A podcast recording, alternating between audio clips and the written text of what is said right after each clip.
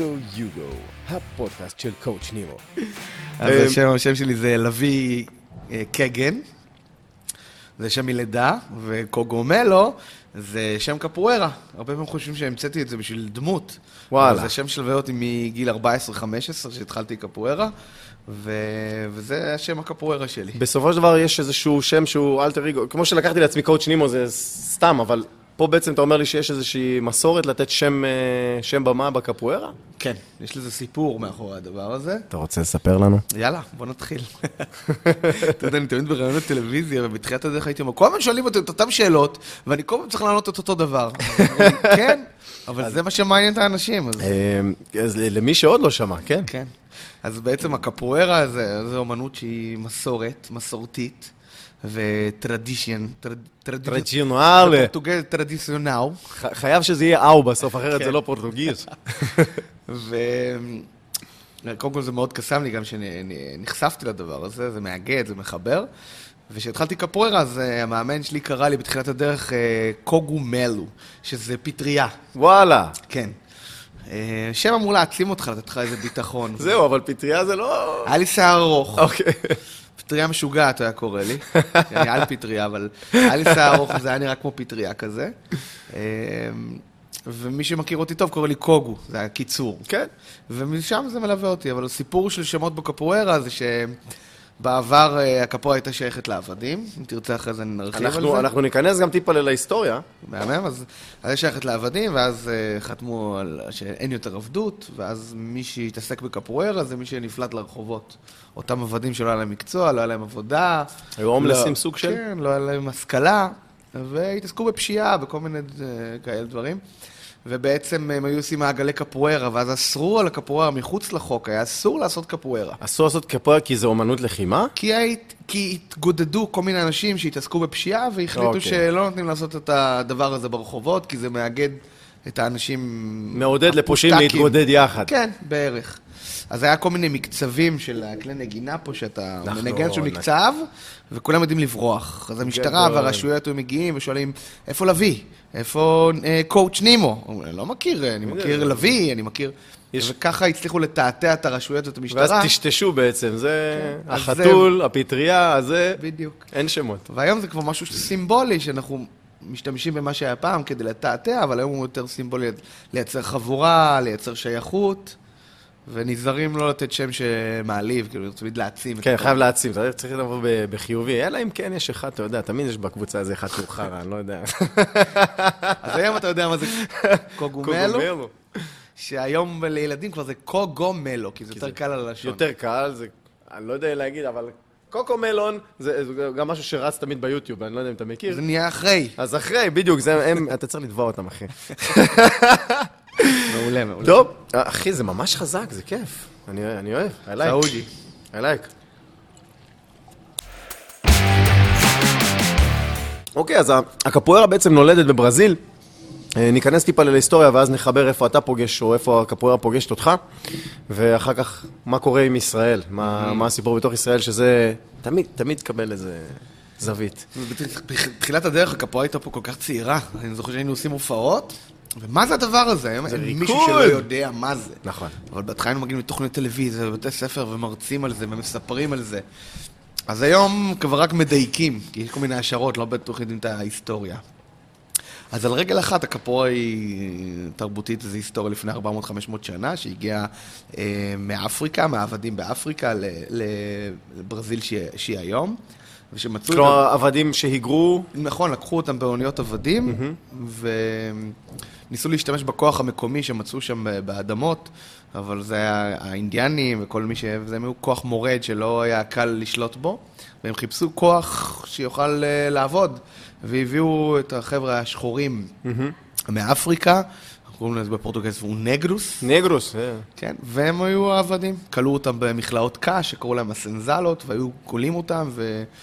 ועבדו בפרך ו... וכו', והתחילו לאבד את האדמה שם בברזיל. אפרופו, בגלל זה קוראים לה אומנות לחימה הזאת, אומנות לחימה אפרו-ברזילאית, כי זה... זהו, כי זה לי, מאפריקה, לי זה חדש, by the way. כן. אה, אני לא ידעתי שזה מקור ממש באפריקה. המקור הוא מאפריקה שהתפתח בברזיל. וזה, בגלל זה הם שורשים אפרו-ברזילאים, וזה, התרב, הם הביאו את התרבות של אפריקה לברזיל, ואותם עבדים היה אסור להם... אה, אה, לצבור כוח. כן, וכאלה, אז ראו שהם היו מתחילים לחלות במחלות, כי לא נותנים להם רגע לעצמם. אז היו בסוף יום נותנים להם ככה להתגודד... אה, שטש. ש- אהבתי. ובעצם אה, הם התחילו להמציא לחימה בסתר, שזה בעצם האדון, אני מספר את זה לילדים, כן. שהאדונים שלהם, הפורטוגלים, היו מסתכלים, אה, וזה היה נראה כמו ריקוד, כשהאדון לא היה מסתכל, היו מתחילים להכניס כל מיני אלמנטים של לחימה, היו כל מיני טקסים שלהם, מוזיקה ושירה ו- וכו'. אה, וככה הצליחו לפתח אומנות לחימה בסתר, שבעזרתה הצליחו לברוח אל החופש. בסופו של דבר הם יכלו להילחם, היה להם איזשהו כוח... ב- אה, בקצרה, כן. ואז שוב, מה שאמרתי, הקפואה הייתה לאנ- לאנשים ברחובות, והיה פשיעה, עד שקם מסטרה בימבה, שהוא... אה, הראשון? הוא הראשון שמיסד את הקפוארה, מה בימבה. שנקרא. מסטרה בימבה. זה לא הוא מהסדרה, אתה זוכר את התוכנית ילדים? איזה? בימבה? בימבה, בימבה. טה, בוא טה, בי, טה, בים, טה. פעם, פעם, פעם. אז זה לא. הוא. או- לא. או שעשו לו הומאז', לא יודע. בוא נשאיר את זה פתוח. הוא מיסד את הקפוארה, ואז הקפוארה התחלקה לשני זרמים, שזה... פעם קראו לקפוארה הקפוארה הפרימיטיבה, הפרימיטיבית. כלומר, הבסיס, ה... כן. ונוצרו שני אסכולות כאלה של סגנונות, שזה קוראים קפוארה אנגולה וקפוארה הז'ונאו. הז'ונאו. אני חטאתי ב... זה הרבה יותר עמוק מלהסביר את זה על רגל אחת פה בפודקאסט, אבל בקטע שתי, שתי גישות, שהיום אנחנו, גם פה בישראל וגם בהרבה מקומות בעולם, משלבים את שני העולמות, את התרבות וחוקרים, נהנים משני העולמות, והם לסגנון העכשווי קוראים טמפורניה, שזה עכשווי, סגנון שהוא משלב כן, את כמו העולמות. שנהיה בריקוד, פיוז'ן, וכמו שנהיה היפ-הופ וכזה, אז יש פה איזשהו חידוש שהוא... שהוא כן. כן. תוצר של שני החבר'ה האלה. ויש הרבה מאסטרים שואלים אותם, מה אתה עושה? איזה זרם של הקפוארה? אז אני פשוט עושה קפוארה, עושה את הכל. MMA. אני עושה הכל. כזה, נו. כן. אני, כן, אז יש סגנון אחד שיש בו חגורות, וסגנון אחד שמעניקים לך דרגה בתעודה. אז אה, הזרם שאני שייך אליו זה מעניקים בדרגות של חגורה, אבל, אבל אוהבים את כל הסגנונות וחוקרים את התרבות ואת המוזיקה. אה, שהקפורה היא תחום מאוד מעניין. זה- אומנות לחימה, נכון? נכון? זהו, אז זה ההגדרה. קופוארה היא אומנות לחימה קודם כל. נכון. והרבה פעמים אני מסביר שאומנות לחימה, אתה יודע, בצבא הייתי מדריך קרב מגע. וואלה. כן, וזה מאוד פרקטי. כן. ואנחנו קוראים לזה שיטת לחימה. זאת אומרת, פרקטית, צריך לת... שני ישרות, שני מעגלים, שני סנוקרות, מרפק, להיחלץ פטיש. מהאירוע כמה שיותר מהר ויאללה ביי. כן. והקפוארה בא, וזה דברים הרבה יותר עמוקים, ופילוסופיה, וההיסטוריה, והעומק, ומאיפה התנועה מגיעה, והרמות החברתיות, והתרבות, והמאסטרים, וה... זה ממש תורה, ממש תורת לחימה, לא סתם... אה, זה- אני אומר שאומנות זה משהו הרבה יותר עמוק, עם רבדים. אתה יודע, אנחנו עושים, משקיעים המון במוזיקה, בשירה, בתרבות, בלהבין את הדברים. ואני זוכר שבתחילת הדרך הייתי מושפע מכל מיני דברים שראיתי, ממאסטר שהוא מאוד מאוד אגרסיבי, או ממאסטר שמשחק סגנון יותר ריקודי, וכל פעם שיניתי את ה... עשיתי טרנספורמה, כל פעם לקחתי זרם אחר. עד שהתבגרתי, ולוקח זמן להבין את הדבר הזה, את האומנות, את ה...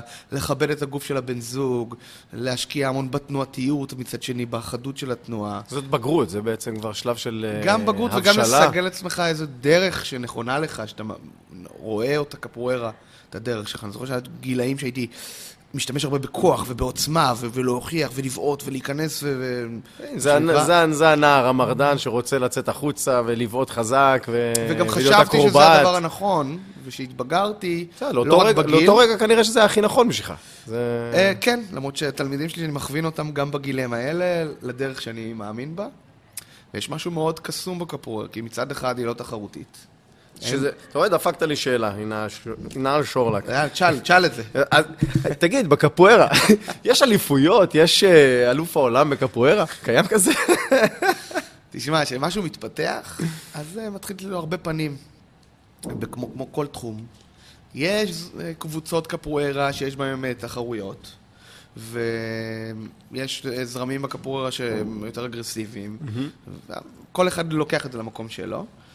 אז יש זרמים ש- שמתעסקים ב- ב- בתחרויות, והיה תקופות שעשינו תחרויות קבוצתיות, של כוריאוגרפיה כזה, מהקבוצה. שעושה את הכוריאוגרפיה הכי מגניבה, אבל בלב... man battle כזה, כמו, עוד פעם, ברייק דנס וכזה שיש איזשהו battle, שאפשר להילחם בריקוד בלי לפגוע, אז אה, זה, זה, זה, זה משיק, זה מקביל, אתה נוגע ב... אני חושב ש... שזה נקודה רגישה מדי להשוות את זה לריקוד. לא, לא מהמקום הזה, ממקום של תחרות. אני מאוד קסם לי החוסר תחרות. אני מדבר על זה המון פעמים שהתחרות נמצאת בכל דבר. אני זוכר את עצמי כנער, תמיד היה תחרות מי הכי מקובל, מי הכי מגניב, היום מי יש את הטלפון הכי מגניב, ובשיעורים מי מגיע ראשון, ופשוט התחרות תמיד קיימת. נכון. ואי אפשר להעלים אותה, אבל, אבל הקפוארה הרבה פעמים טשטשה את זה עבורי. זה היה משהו כקליקה, כקבוצה, אמ, שמאוד קסם לי, כי פתאום באה אומנות, אבל אנחנו לא תחרותיים, אין מטרה להיות אלוף. זהו. מצד שני, היא מאוד הישגית, כן? אתה צריך להגיע להישגים. כן רוצה את החגורה. לא רק את החגורה, את האלמנטים הגופניים, יש לה יכולות גופניות בואנה, מדהימות. ביטינג באו הזה עד שהצלחתי לתת בו הקשה כמו בן אדם. זה גם זמן. המוזיקה זה לחקור. עד היום, כן? זה מאתגר וזה הישגי, אבל ברמה הקבוצתית אתה מרגיש, בכל לבל שאתה, אתה מקובל. ואני ממש עובד על זה עם התלמידים, להרגיש בנוח בכל לבל שאתה, כן לדחוף להישגיות ולהשתפר ולהתקדם, אבל יש בזה איזשהו קסם שאני מאוד אוהב את זה, וגם כל אחד בכל יכולת גופנית אהה. יכול להצליח את הקפואה. אתה יודע, אני, כמו שאתה רואה אותי, אה, מסיבי, ו... ו- בסדר. כן, לא. בסדר. כל אחד מה שהוא מרגיש עם עצמו. בריא. בינינו אני מקבל, וזה נושא אחר, אני מקבל המון ביקורות שליליות, שזה לא נעים, על, ה, על, ה, על המראה, על המשקל וכאלה. שאני מרגיש שאני חזק, ואני בכושר, ואני רץ, ואני מתאמן, אבל אני לא רזה ולא קוביות, ונראה שתמיד זה הפורמה, היה איזה אידיאל אה, שנחרט. כן. כן, כן. שאתה מאסטר לקפוארה, ופתאום, הנה, באה הקפוארה ואומרת, כל אחד יכול לעשות קפוארה, בנים, בנות, גדולים, כדרך חיים. גיל מבוגר אפילו. אני- כשאני גם. ראיתי את המאסטר שלך בים, כאילו, בן אדם, אני בטוח שהוא זז מאוד יפה. הוא, כן, הוא כבר, אה, אתה יודע, ביחס לגיל הוא רק. נכנס ואתה רואה את המנרות שלו, אתה, אתה מוקסם, אבל פתאום הקפוארה היא לא רק תנועתית, זה הרבה פעמים, על מה מקבלים את הדרגה בקפוארה, איך מתקדמים. אז זה לא רק על היכולת הפיזית, זה מה אתה נותן לקהילה, איך אתה תורם, מי אתה, על הדרך, על, על, על. על המידות שלך. אז זה, זה. ממש קודם כל קהילה, וקודם כל, אה, וואלה, לב. זה ממש לב. זו קהילה עצומה, וגם החיבור בין כל מיני קהילות שיש פה בארץ, יש חיבור טוב ובריא. כמה שאתה גדל אתה לומד יותר לכבד ויותר אה, דברים שלמדתי על עצמי. אבל בשאלה ששאלת מקודם לגבי תחרות, אז יש זרמים ב- ב- יותר בברזיל ובעולם שעושים אה, תחרויות ומביאים את זה להישגיות. זה מביא משהו טוב, כי זה, זה משפר את ההישגיות. זה דוחף קדימה. לגמרי. כן, זה בגדול, כפי שאני רואה את זה, תחרות, זו המטרה הבריאה שלה, לדחוף את האדם קדימה להישגיות, להשתפר, לשאוף, כי אם בן אדם בלי, בלי איזה עוגן לשאוף אליו, לגמרי, אתה קשה. צודק. וניסיתי בכל מיני, אבל אני לא שלם עם הדבר הזה של תחרות. אני, אני שומע אנשים שרוצים להכניס את זה לקפוארה, ואני מאוד אוהב את הטקסיות, את ה... והרבה פעמים אני שואל את עצמי, אז אני עושה קפוארה לשם מה? אבל איזה יופי לעשות משהו לשם משהו, אני עושה אני עושה קפוארה לשם קפוארה נקודה, בלי, בלי הסברים. אז אני, כדי לייצר דור וקהילה, ולייצר מחזורים אחרי מחזורים, הרבה פעמים שואל את המדריכים, אז לשם מה אנחנו עושים קפוארה? וכל הזמן אני צריך לייצר להם פיקים, להמון סוגים. אני עושה את להקת ההופעות, ו- ו- ואנחנו עושים קליפים, ושיעורים, והרצאות, וקורס מדריכים שאני מרכז כל שנה אה, בקיץ בווינגייט. אמ, וכשמגיע המאסטר, אז יש אירוע של קפוארה והענקת. חגורות.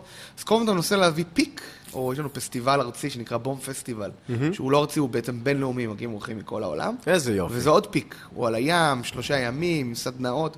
אז כל בעצם- מחכים למשהו. אז בעצם במקום, כמו כל תחרות אחרת שמחכים לטורניר, מחכים לפיינל פור, מחכים לזה, אז פה יש אירוע חברתי כלשהו ש... הרבה פיקים כאלה. שזה, שזה העניין, ומהלך כל השנה.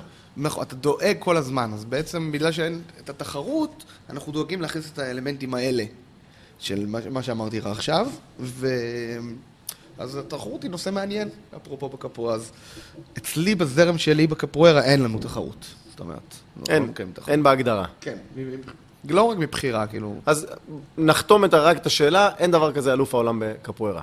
כי פשוט גם קשה יהיה מאוד למצוא אותו. כי...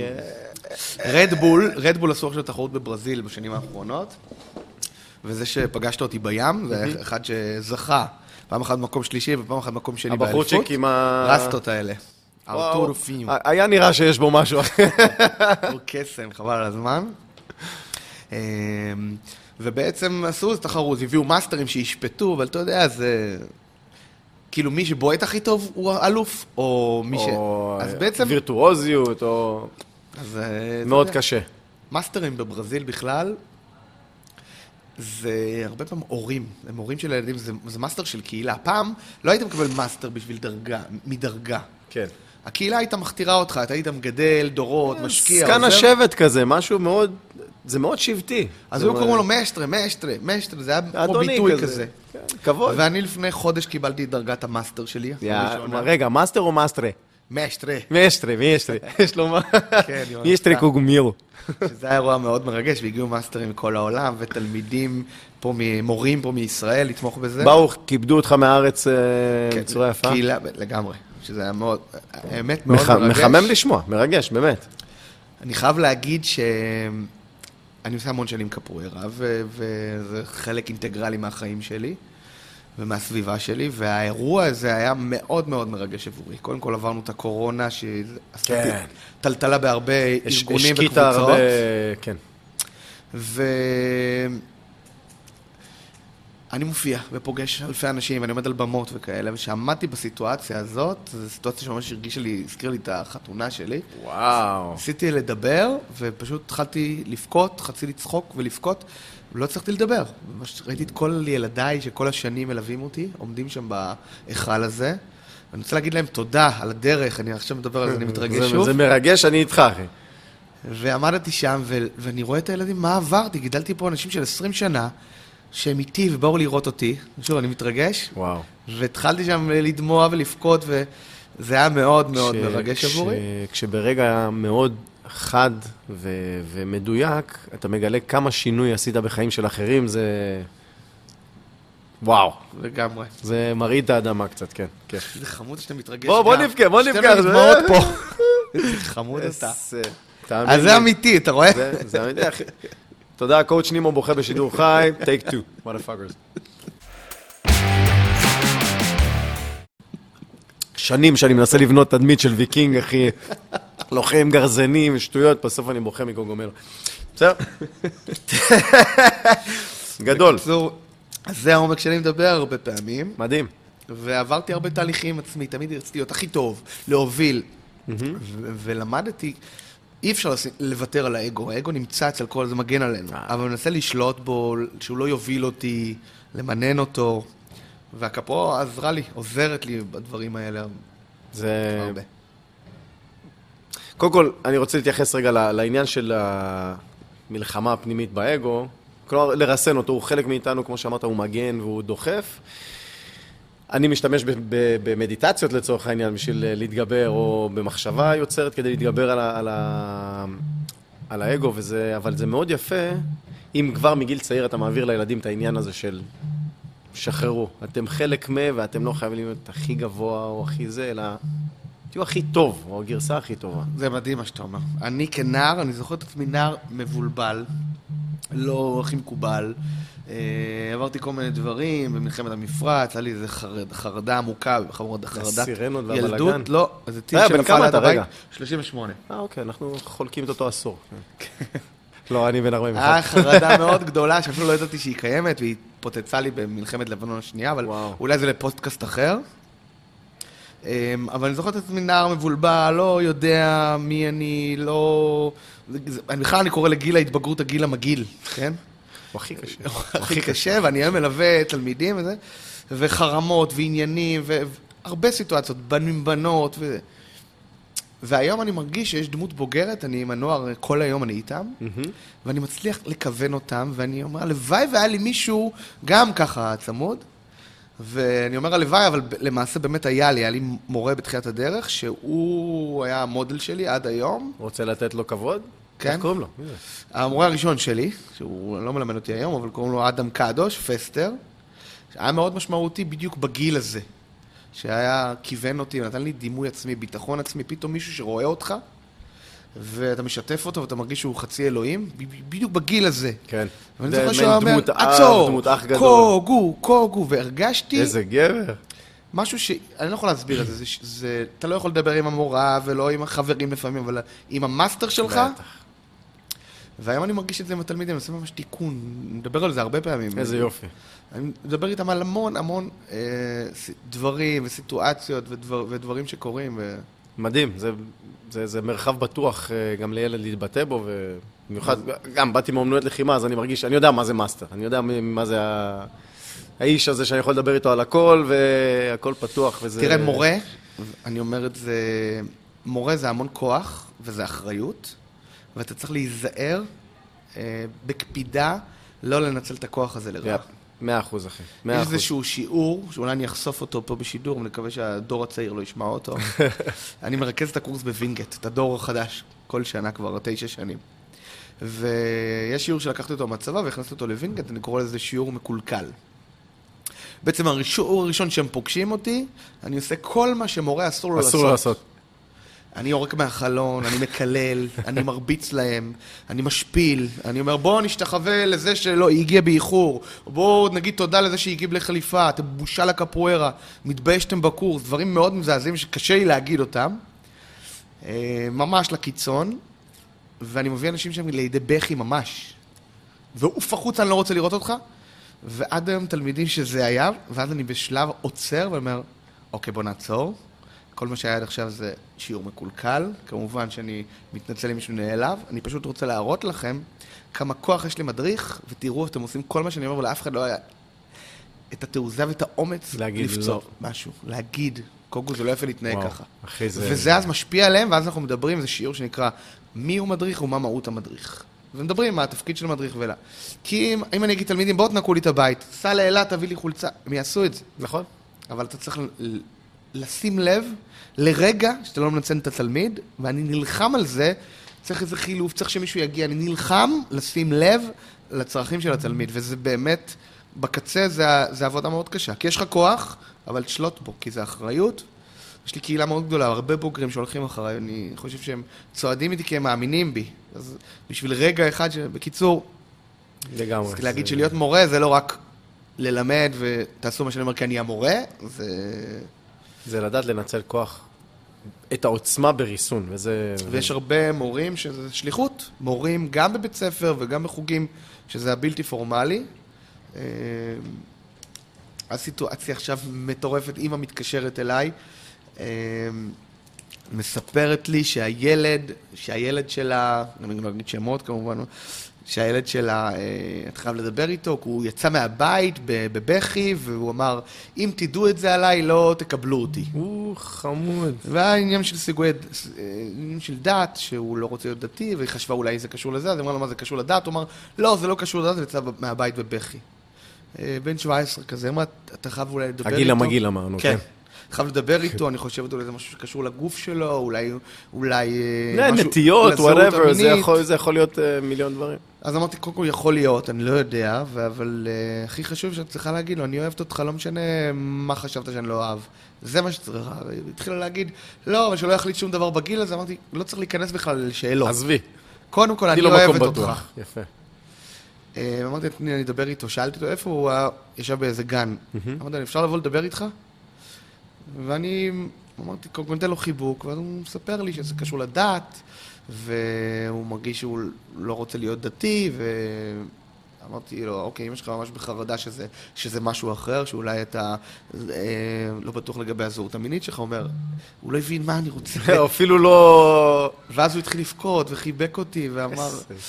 אמרתי לו, נראה לי אימא שלך כי הם דתיים, אולי יהיו קל לה, כי לך תתמודד עם הסיטואציה, כן. עבורה. אני זוכר שהתקשרתי אחרי זה לאימא שלו, אמרתי לה שזה קשור לדת, אז אה, עבורה זה היה... אה, זה גם מטלטל בשביל... אה, כן, בשביל הורה. אבל על הקלה, והיא אמרה לי איזה מזל שיש לו עם מי לדבר, ואתה... אני נתתי לך אנקדודה קטנה, כן. של ללוות את התלמידים חוץ מעל המזרון או על הפרקט. כאילו, כל הזמן בסיטואציות אין ספק. שהם ש- בצבא ומתקשרים וקשה להם, ולהיות מורה, הרבה פעמים אני מרגיש שזה בא באותה נשימה עם מה שקורה לתלמיד בפן הרגשי, שאני מאוד אוהב את זה, כי התלמידים הם כמו ילדים, אני רואה אותם בעיניים, חשובים לי. לא שזה לא קל, זה גם קשה. זה סזיפי, אני מדבר על זה הרבה, זה סזיפי, זה קשה. לפעמים אשתי אומרת לי, חלאס, תתאפס על עצמך. כמה שעות יש לך כבר ביממה שאתה יכול להיות זמין לאנשים, כן. ולהכיל, ויש לך בית, וגם אה, הוא צריך את הצרכים שלו, כן. נכון, זה לא פשוט. זה אבל לא, אני אבל- חי את זה, זה... זה לא אבל, אתה נבחרת למקום הזה לא סתם. בחר אותי, כן. כל, כן. כל תלמיד רואה אותו בעיניים, אני באמת אוהב אותם, הם כאילו, זה תלמידים. איזה כיף, איזה כיף לראות את, ה- את העיניים שלך כשאתה מדבר על זה, זה... אני אומר, אם זה ייעלם לי, אני... אני, אני עוזב, עוזב את הדבר הזה, כי אני מגיע לסטודיו, בשביל. שוכח שאני מאמן, אני שוכח שזה עבודה, אני אומר, יאללה, קדימה, תעשו, שלוש שניות, תעשו, אני כאילו נכנס ל vibe שמחיה אותי. אותו, מפח- שלא יאבד. אותו, אותו משפט מדהים שאומר שאם אתה עושה משהו שאתה אוהב, אתה לא תעבוד יום בחייך. וזה כן, לא, אני עובד, אני עובד, אני הגב שלי כואב, מהבוקר עד הלילה, אבל אה, ספציפית ההדרכה עם התלמידים, עם הגילאים האלה גם, זה זה שליחות. אני מקליל את האווירה. דבר. אמ, הקפוארה היא כמובן, אמרנו שהיא סוג של, היא, היא תנועה, היא לחימה, והיא מלווה ב, בכלי נגינה. נכון. בוא ניתן איזה סקירה ככה על מה היא... פנדרו. פנדרו. זה המצילתיים של הקפוארה. טוב, טוב מרים. איך ישר זה? הופה, נו ברזיל! אני מופיע עם זה הרבה בהופעות, עושה גגים מצחיקים, חושף את זה לילדים. אז זה אה, פנדרו, שלמעשה כל כלי הנגינה הם יוצרים הרמוניה אחת, זה לא כל כלי בנפרד. חבל שאולי נקרא לשרון ול... לא, היכולות שלה... זה הבידימבאו, שהוא הלידר, הוא המנהיג, הוא קובע את הסגנון, את קצב ביטינג באו. המשחק. כן. בידימבאו. זה, רגע, רגע, זה לא ביטינג באו, כאילו להכות בקשת? באו? בידימבאו. ביטינג באו. זה עשוי מעץ הביריבה. כשאתה וואלה. מכה, זה עושה בום. גדול. יש לו גם תיבת תעודה פה שעשויה בטח מאיזה קוקוס. מדלוע כזה. ויש לך אבן, חלוק נחל. נכון.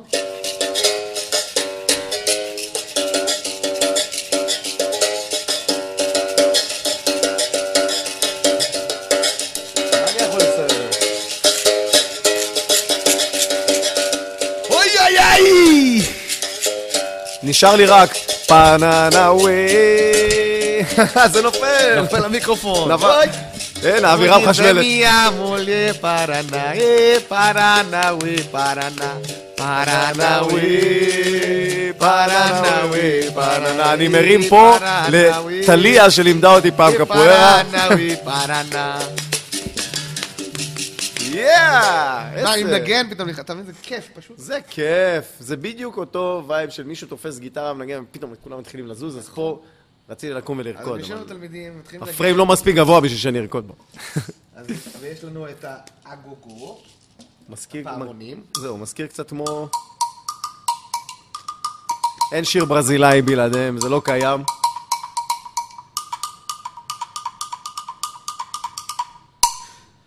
בום. ויש את האטאבקי, שבמקור זה היה איזה חבית בירה כזה עם הופה. אה, אור של פרה. בוא נראה אותה, תבוא. פרקשן.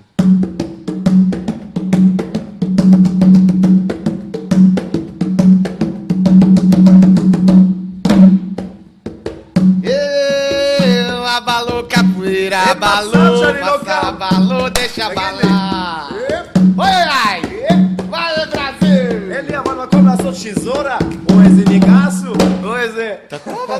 אחי עושה שיעורי בית או לא? לא, באמת, היה לי, הייתה לי איזה שנה בתוך קפוארה, וזה... איפה? באשקלון, אני גדלתי באשקלון, אני יליד אשקלון, והגיעה מורה מארצות הברית, בחורה שחורה מדהימה שלמדה בברזיל אצל מאס רנו, ככה קראו לו. סטנו, כן. מכיר אותו? כן. אין מצב. כן. אז הבאנו אותו פעם לארץ, עזרתי לה מאוד בעניין הזה, הבנתי כמה זה חשוב לה. לא הבנתי כמה בתיזדו זה דבר חשוב. מה, לפני כמה שנים? הייתי בן 24 אולי, וואו. 41, זה, זה מלא, זה 20 פלוס שנה אחורה. 50 שנה אחורה. כן. כזה שהיה בשחור לבן, היה קשקשת שם. אה, כן, אבל זה, אתה רואה שזה משהו שנשאר כל החיים. זה... ההוויה הזאת, היא נצרבה, כי, כי זה היה שמח, וזה היה כיף, וזה היה... וגם, אמרתי, גם אם, גם אם לא, לא הייתי הכי טוב בקפוארה, הייתי הכי טוב בלעזור לקבוצה, וזה... להיות כל- חלק. להיות חלק, לעזור, כי אני לוגיסטיקן מטורף. תראה, היום אה, אני לוקח את הדבר הזה של אומנויות לחימה אה, לכמה מישורים. יש מישור של מישהו שעושה את זה כדרך חיים, אתה רואה את זה בקראטה, רואים את זה גם בקפוארה. עושים קפוארה בשביל הכיף שלהם, שמים את היום עבודה, פעם, פעמיים בשביל שבוע, מגיעים לאימון קפוארה, מזיעים, פוגשים את החבר'ה, משתחררים קצת, כן. בועטים, מוזיקה. יש את הילדים הצעירים שגדלו מגיל צעיר והפכו להיות בוגרים, שהם כבר זה... יש להם יותר שעות טיסה. כי בגיל המבוגר אין לך את השעות הטיסה שאתה כן. יכול בתור תיכוניסט חטיבה להיות צמוד למאמן ולהיות מהבוקר לחקור את הקפוארה. אז זה חבר'ה שזה עוד יותר עמוק בהם. ויש חבר'ה שהם מדריכים, שזה הדרך חיים שלהם גם ברמת העשייה, אתה לוקח את זה יותר עמוק ברמת הדרך חיים, המחויבות ו- וכו'. ובעצם אני מדבר עם מדריכים, אז איך עושים, הרבה פעמים שואלים אותי, אז מה, גם בגיל 40, אני כבר בן 40, זהו, בדיוק. בגיל 40 תדריך קפוא, בגיל 50 תדריך זה קפוא. מצחיק. זה מצחיק כמה... כמה זה משיק, כאילו, הדברים האלה. מה, מה, בגיל 30 תהיה מאמן, ו-40 ו-50... כאילו, אין לזה גיל. כי כל פעם שאני מגיע לגיל מסוים זה נראה לי צעיר. לא, אבל אני, יש, לי, יש לי גישה לדבר הזה. אני מסביר למדריכים שלי, גם הצעירים, שמורה שלא מייצר דור, ולא מייצר, אתה יודע, אני מגיע לה, לאקדמיה, יש לי הרבה סטודיו, אבל יש לי בית ספר שלי במרכז העיר, שאני מלמד בו הכי ותיק. כן. אה, אני מגיע לאקדמיה, יש את העוזרי מדריך, יש את המד... אה, עוזרי מדריך הבוגרים, אני קורא מדריך בוגר, ויש מדריכים בפועל, מה שנקרא, שזה, ויש אותי שמאמן. אני מגיע, הם תמיד נמצאים שם, ואני לא נותן להם להיות הרבה. כל אחד יכול להיות עוזר מדריך של שעה בשבוע.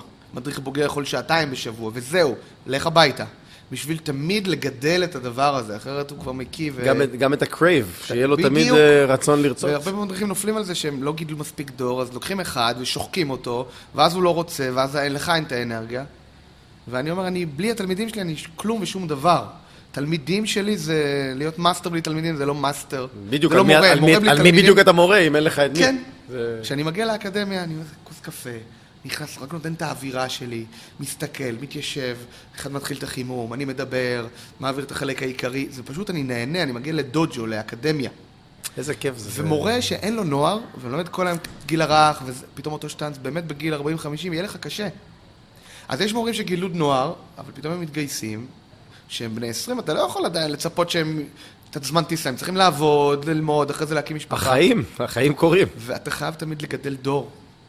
ואיך מגדלים דור? איך מביאים נוער? ומדריכים שיש לי, שיש להם נוער ודור צעיר, יש להם drive. מדריך שאין לו נוער, אני רואה איך זה דועך כן. ודועך ודועך. יש לו אשכרה wingmans, יש לו עוזרים, יש לו אנשים ש... ויש לו מחויבות כלפם, ואתה נותן ומקבל. אתה דוחף אותם ואתה מקבל חזרה, אתה לא מבין כמה. בגלל זה אמרתי לך שכיף לי עדיין לאמן, כי יש דור שאני אחראי אליו. אותו ילד שהייתי, אני מרגיש את זה כל הזמן. וזה המיקרוקוסמוס של להיות מורה לטווח הארוך ולהצליח להחזיק את זה לאורך שנים, כי יש לך גב מאחורי. יש לי הופעת פרסום, התלמידים נמצאים שם, ברעב, הם והרעב הזה עובר רוצים אליי. לבוא. הם רוצים לבוא. אז יש שיעור מעניין שאני מלמד אותו בווינגייט, שזה נקרא שימור נוער בעולם הקפוארה. איך משמרים נוער בקפוארה? וזה תחום מאוד מעניין, שאני חושב שבו, זה הסוד כדי להצליח את זה, אתה רושם, אה? אני, לא, לא, אני רושם, עולות עולות לי שאלות, אז... אה, הולך לשאלות? אה, וגם משהו שלמדתי אותו תוך כדי תנועה, זה איך משמרים חבר'ה שהיו תיכוניסטים, התגייסו, עכשיו הם בוגרים, ופתאום אני רוצה שהם יישארו בקפוארה, אבל אני לא יכול להתייחס אליהם אותו ילדים שהם היו. בוא בשביל הכיף שלך, בוא בשביל החוויה שלך, בוא נוריד את המחויבות, אתה בשביל הפאן. ו- יפ. וזה גם משהו שלמדתי, כי בהתחלה הייתי אומר, איזה בוא, קטע. זה, זה לימד אותך גם להיות הורה? אתה, אתה הורה? אתה... אני אבא? הורה, יש. לי שתי בנות. זה לימד אותך איך להיות הורה? העניין הזה? כן ולא. של לדעת לשחרר ולדעת לדרוש? כן ולא. אמ, אני חושב שברגע שנהייתי הורה, התחלתי להבין את ההורים, את הילדים יותר, וגם האחריות שלי נהייתה יותר. פתאום, קוגו, אתה נהיית פתאום, אה, מה זה, נהיית... מה אתה כבד? לא, נהיית רך מדי. אתה פתאום משחרר, אתה מוותר, הייתי מוציא אותם לרוץ יחפים ברחוב, דברים הזויים, פתאום אני שומר יותר. גדול. וגם פתאום אני מבין את ההורה, פתאום אני רואה את הילדים, את הברק הזה, שחשבתי שאהבתי ילדים, אבל ברגע שהייתי הורה, פתאום הבנתי את זה יותר לעומק. מנגד, אני גם מבין את ההורים, את החוסך, חוסך שבטו שונא בנו. ממש. אוף, זה משפט שהולך לפניי כל הזמן. כל הזמן, ואשתי, שתהיה בריאה כלנית, תמיד רק עוצרת. תהיה רך, תהיה מאפשר, אבל... זה כוס ופרח, אנחנו קוראים לזה בהדרכה, כן? תגיד, אני לוקח את זה למקום קצת יותר שטוח, ברשותך. מה בן אדם מרוויח פיזיולוגית מזה? מה אישה שמגיעה לעשות קפוארה, או נערה, או ילד, אה, או בוגר, מה הוא מרוויח מזה פיזית? אני מבין שברמה הנפשית, החיבור לאנשים מגניב, המוזיקה מגניבה, הללמוד דבר חדש הוא מגניב. פיזיולוגית, מה קורה כספורט? שואלים אותי על זה הרבה. ו... איזה יופי, חשבתי שהמצאתי את השאלה הזאת. קוסומו. האתר הזה של השאלות לזה. הורים אוהבים. לשאול, ומה זה תורם לילד? והבוגרים, בא לי להיות גמיש, ובא לי להיות חזק.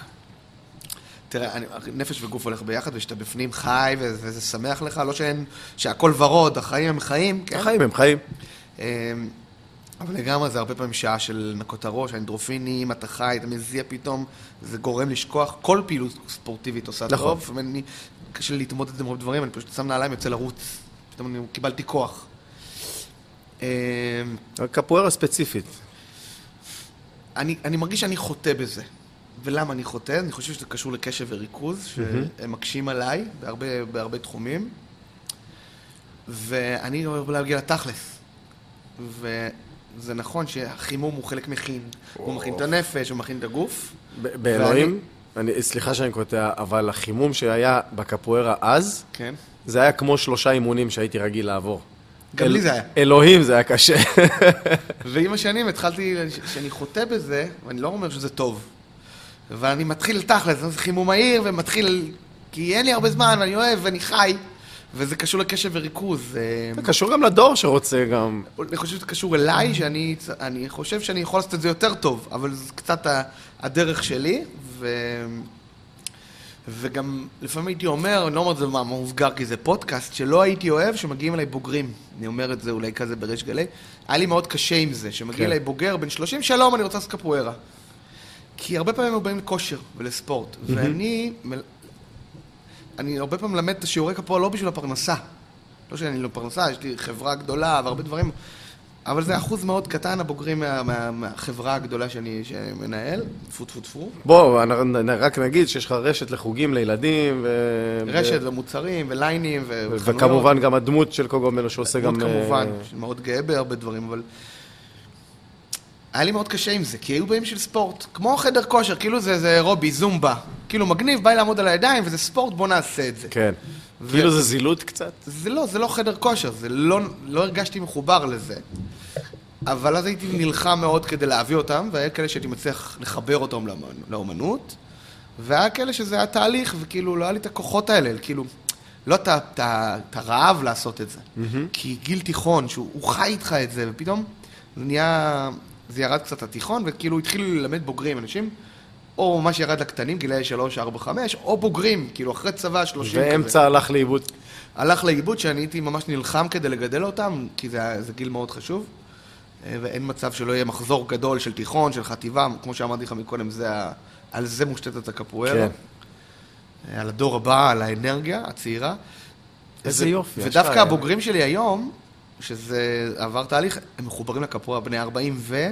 אבל הם במוזיקה ואוהבים את הקפוארה. תשמע, אם, אם הזכרנו את בננה, אחי, אין מצב שאני יושב איתו, ואין את התוף הזה יוצא, ואין איזה צ'יקי, ו... כן, והוא היה זה- קפואריסט בתחילת הדרך, והיום הוא בוגר. כן. בננר, אפרופו, זה חבר ילדות שלי מגיל 6, שאנחנו חבר, חברים משותפים. חבר משותף, חבר משותף, שהוא עשינו הרבה שנים קפוארה, הוא לא עושה קפוארה, אבל, אבל זה ב-DNA. זה אתה שם, שומע זה מוזיקה, שם, וזה זה תמיד שם. יצאנו ל- לטיול ביחד, ל overnight, היה מוזיקה, והיה טוב, תמיד הגיע, ו... כיף זה לדבר נשאר. על, ה- על, ה- על, ה- על הקסם שבקפוארה, ו... ו... תשמע, יש גם קשיים בקפוארה. זהו, רוצה לדבר על איזה משהו שככה... בוא, תמיד זה הכל ורוד בפודקאסט, אנחנו מביאים את הדברים הכי מגניבים, הכי יפים. מה החרא? מה קשה? כן. מה... תראה, אה, כי יש המון זוויות, כמדריך, כתלמיד, אה, כנראה שתקלע לרוחב פס מאוד גדול אם תדבר על מדריך, אתה יודע, כל מדריך כנראה יחוות את הקשיים כן. האלה, וגם... אה, אז סתם שאלה של פוליטיקות כן. וכזה, אבל די הבהרת את זה קודם. סליחה, שאין... אה, יש פוליטיקות והיה מאסטרים שהיה איתם התקלויות ובתחילת הדרך אה, היה אה, חילוקי אה, דעות וזה לא הגיע למקום הזה, זה בתחילת הדרך בישראל, כן? כן. היום אמרתי לך, אני יותר בשל ודברים יותר רכים ואתה גם מלמד את הדור הבא, הכל היינו צעירים, הכל היה בוסר. אה, אז הדרך יותר פשוטה היום. אמ, אבל יש תסכולים, לפעמים מישהו חושב שהיה מגיע לו דרגה מסוימת והוא לא קיבל, והוא חווה את זה בתסכול. או לפעמים נכנסים למקום של השוואות, אמרתי, תחרות תמיד כן. קיימת. אז גם פה זה קיים, בלי לדבר, אין ניקוד. אבל למה הוא קיבל ואני לא, או למה הזמינו אותו להעביר סדנה ואותי לא, אני אומר לך, מתחת לפני השטח. כן, כן. וכמורה, זה דברים טריוויאליים בכל מסגרת, כן? אבל כמורה, תלמיד שלא מרוצה ממשהו, או לא קל לתת גבולות, כמו לא קל לנהל אנשים. ואתה דוגל בדרך מסוים, פתאום תלמיד הגיע בלי ביגוד, קח את הדברים, עוף הביתה. קשה לו עם זה. אז נכון. איך אתה בוחר לעשות? אמ, נכון, אבל אה, עוד פעם, גם מחוויה אישית, כן. אין דבר שמלמד יותר טוב מזה. באמת. פעם אחת. פעם אחת הלכתי הביתה כי לא היה חליפה פיקס, זהו. בחיים לא שכחתי יותר חליפה, לא לקצוץ ציפורניים, לא כלום, כי... כן, כי... וכמדריך, אתה, לפעמים הייתי עושה אימון, בונה אימון, עושה אימון מדריכים, יש 50 מדריכים, הגיעו 20.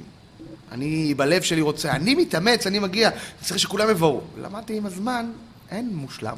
פשוט תעשה הרבה, יהיה הרבה.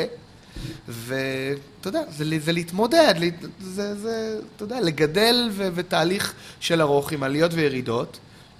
זה... אתה לפעמים עושה אירוע, אירוע, אירוע, הוא משקיע בו כל כך הרבה, פתאום באו מעט אנשים, לא לקחו חלק, לא התחברו למה שאתה חשבת שיתחברו. לאט לאט למדתי לדייק את זה, ולא לקחת את זה אישית, ולהבין את הפרופורציות, אבל לפעמים זה יכול לתסכל, אתה יודע, מדריך צעיר, בכלל, אתה מנסה ללמד ולא היה לי כלים ללמד. הייתי מנסה ללמד את הגיל הרך ולא ידעתי איך, וילדים נכון. הפריעו לי, ולמי אני פונה, ומי יעזור לי. ו... יש תסכולים בכל... איך לנהל את זה, נכון? ויש לי תלמידים שנגיד רואים חבר'ה מצליחים והם לא. ביכולת הגופנית, בסלטות, אחד פחות, כבד וזה לא מצליח. למצוא מה טוב, אולי הוא טוב, הוא מצחיק, אולי הוא טוב במוזיקה, אולי הוא טוב בבעיטות, איך להעצים אותו. וזה שאתה אומר אין תחרות, אבל הוא חווה תסכול. נכון? ואין לו ביטחון כן, להיכנס כי- למעגל, כי הוא מרגיש שזה מבחן, ועכשיו הכל סוגר עליו, ואני גרוע, ואולי אני בתקופה לא טובה, והתמודדות עם, עם פציעות, שזה... כן, כן, זה זה אבל רווח. בכלל, אני מדבר איתך על נושאים אחרים, דיברתי על פיזיולוגיה, זו קפוארה. שמע, היא מחזקת, היא היא מתמודדת עם הגוף, היא מפתחת את הגמישות, את הקצב, את, ה... את העוצמה שלך, את העבודה, את, את המהירות תגובה, את החדות, את את התנועתיות, הריקודיות. היא נותנת הרבה דברים מבחינה פיזיולוגית. נייס. ו... אבל זה לא, האמת שזה לא העומק לא, שלי, גם- ויש לי גם- מדריכים אצלי שכן לוקחים את זה מאוד לפיזי וזה. וזה. לכו- לכושר, כן. כושר גם לאיכות תנועה ולאורך, ואני חושב שמה שמחזיק קפואריסטים לטווח הארוך, בריאים, זה? זה חבר'ה שעושים אלסטיות ויוגה ואורך תנועה, שאני מאמין בזה, אבל לא עושה את זה בעצמי. כאן אנחנו... אנחנו- תקשיב, אני בהופעות, אנחנו נחלוק את זה. אנחנו בהופעות, אתה יודע איך אני עושה חימום? מגלה את זה עכשיו? עם האדרנלין של שאף הקהל. אחד לא רואה. באמת. אתה מקבל את ה vibe? אני, יש לי שלוש הופעות ביום, אני לא, אני שותה את הקפה, מלבישים, המנהל הצגה, בוא, בוא, בוא, מתחילים, אני עולה, שלום, מתחיל. סלטות, בעיטות, קפיצות, יורד. זה החימום שלי, כאילו, מ-0 ל-100 בשנייה, לא בריא, אבל אני אומר, טוב, לא הכל לא בריא, אבל מושלם. עובד, נו, בסדר. לא הכל מושלם, יש תקופות שאני מתאמן, אז היה לי פציעה מאוד גדולה, קראתי את שני גידי אכילס ברגליים, וואו, שתי הרגליים? שניים במכה, בפליק פלקים, די! רגע לפני הצגה, כן, תפירה? מלאה, קרע מלא, זה היה הפציעה הכי קשה בקפוארה. וואו. היום שקר וחם וזה לא אלסטי אותו דבר, כן, אבל כי זה עברתי. שיקום ואני עושה אימונים ואני רץ עדיין וכאלה ומתאמן וזה, אבל לי קשה עם היוגה והאלסטיות וקשה לי עם זה. כמו, אני חושב שאמרת קודם, אה, דיברת על קשב ריכוז וכזה, אני- אמרתי, אנחנו קצת אתה? דו- אנחנו קצת דומים, אני לא מאובחן, אבל אנחנו קצת דומים, כי אני גם חוטא בחימומים, וגם, ואני עובד עם משקלי עבודה מאוד גבוהים בתחום שלי, אה, וכל פעם אני תופס את עצמי ואומר, תעצור, תתחמם, כי אחר כך הגב, אחר כך הרגליים, אחר כך הכתף, אחר כך הזה, אז זה כיף כי זה משאיר לי מקום של המבלנס. כמו שאתה יודע להגיד פה במיקרופון במצלמה, אני חוטא בזה, זה מאוד, אה, מאוד אנושי ומאוד המבל, זה לא אני מעל כולם ואני יודע. גרמת להרגיש טוב, יופי. אז בסדר, אז אתה במקום אני יודע סבבה. מה צריך, יש לי מדריכים שהם כאילו לוקחים אני יודע את מה זה צריך, לשם. ואני לא תמיד עושה את זה, אבל ביודעין. בסדר. לפעמים אני אפנק אתכם בחימום היום. כאילו גם הרוח של הקפואר, הרבה פעמים בברזיל, נגמר מעגל, אה, הולכים, שותים איזה בירה, יושבים, שותים משהו. בהרבה תחומי ספורט אחרים, עושים, גמר שיעור או זה, מתיחות, מתיחות. מעריכים גוף, וזה. בתקופות שעשיתי את זה, כן? שאני שומר להתקדם, עשיתי אימוני בוקר עם הקהילה וכאלה, כל הזמן. אבל לאורך השנים זה לא תמיד פשוט, אבל אתה יודע. כן, that's life. וואו, קוגו, אנחנו אה, כבר 45 דקות מדברים. ואני עוד שנייה טס להקלטות. ואתה חייב לטוס להקלטות. להקלטות. כי יש לך עוד מעט עוד איזה קליפ. מכל אורח שלי אני מבקש איזשהו מסר או משפט לחיים, או איזשהו, אה, אתה יודע, משהו כזה, כן. קחו מפה והלאה. אז אם יש לך משהו בשלוף מגניב, אם לא, קח לך דקה לחשוב. אבל המיקרופון שלך, ומסר ל... יש לי שני משפטים שמלווים אותי, עם הילדים אני אומר את זה. האחד אני אומר אותו בשירים כדמות ילדים, אני מאמין בזה באמת אבל. שאם נפלת זה לא נורא, צריך לקום ולהתחיל מההתחלה, אני אומר את זה בכל הצגה, כי החיים הם נפילות. כל מי שצופה ושומע הוא מאמן, הוא מתעסק, הוא מכשיר עובדים, עם הילדים, עם המשפחה, ברמה החברתית. החיים, אתה מתבאס, ואז כיף, ואתה מתבאס, ואתה כיף, ואתה מרגיש שפופים למטה. אבל אנחנו נופלים וקמים. זה הקפוארה, וזה משחק של ילדים. אתה פעם מנצח, פעם מפסיד, אני באמת מאמין בזה. גדול. גם הורים הרבה אומרים, אתה יודע, זה באמת נכון, כאילו נופלים זה וקמים, קל- זה קל. פשוט, קל פשוט ומסכם את כל הדרמה בשתי משפטים. כן.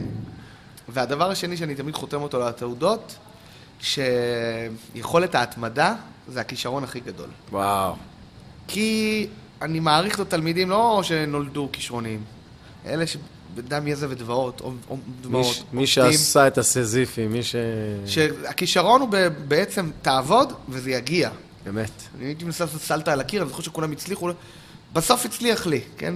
כחניך, לא הכל בא לי בקלות. ויש לי תלמידים סופר כישרוניים בסטודיו, אבל כשנגמר האימון, רק מתחילים אימון. ועובדים, ועובדים, ועובדים.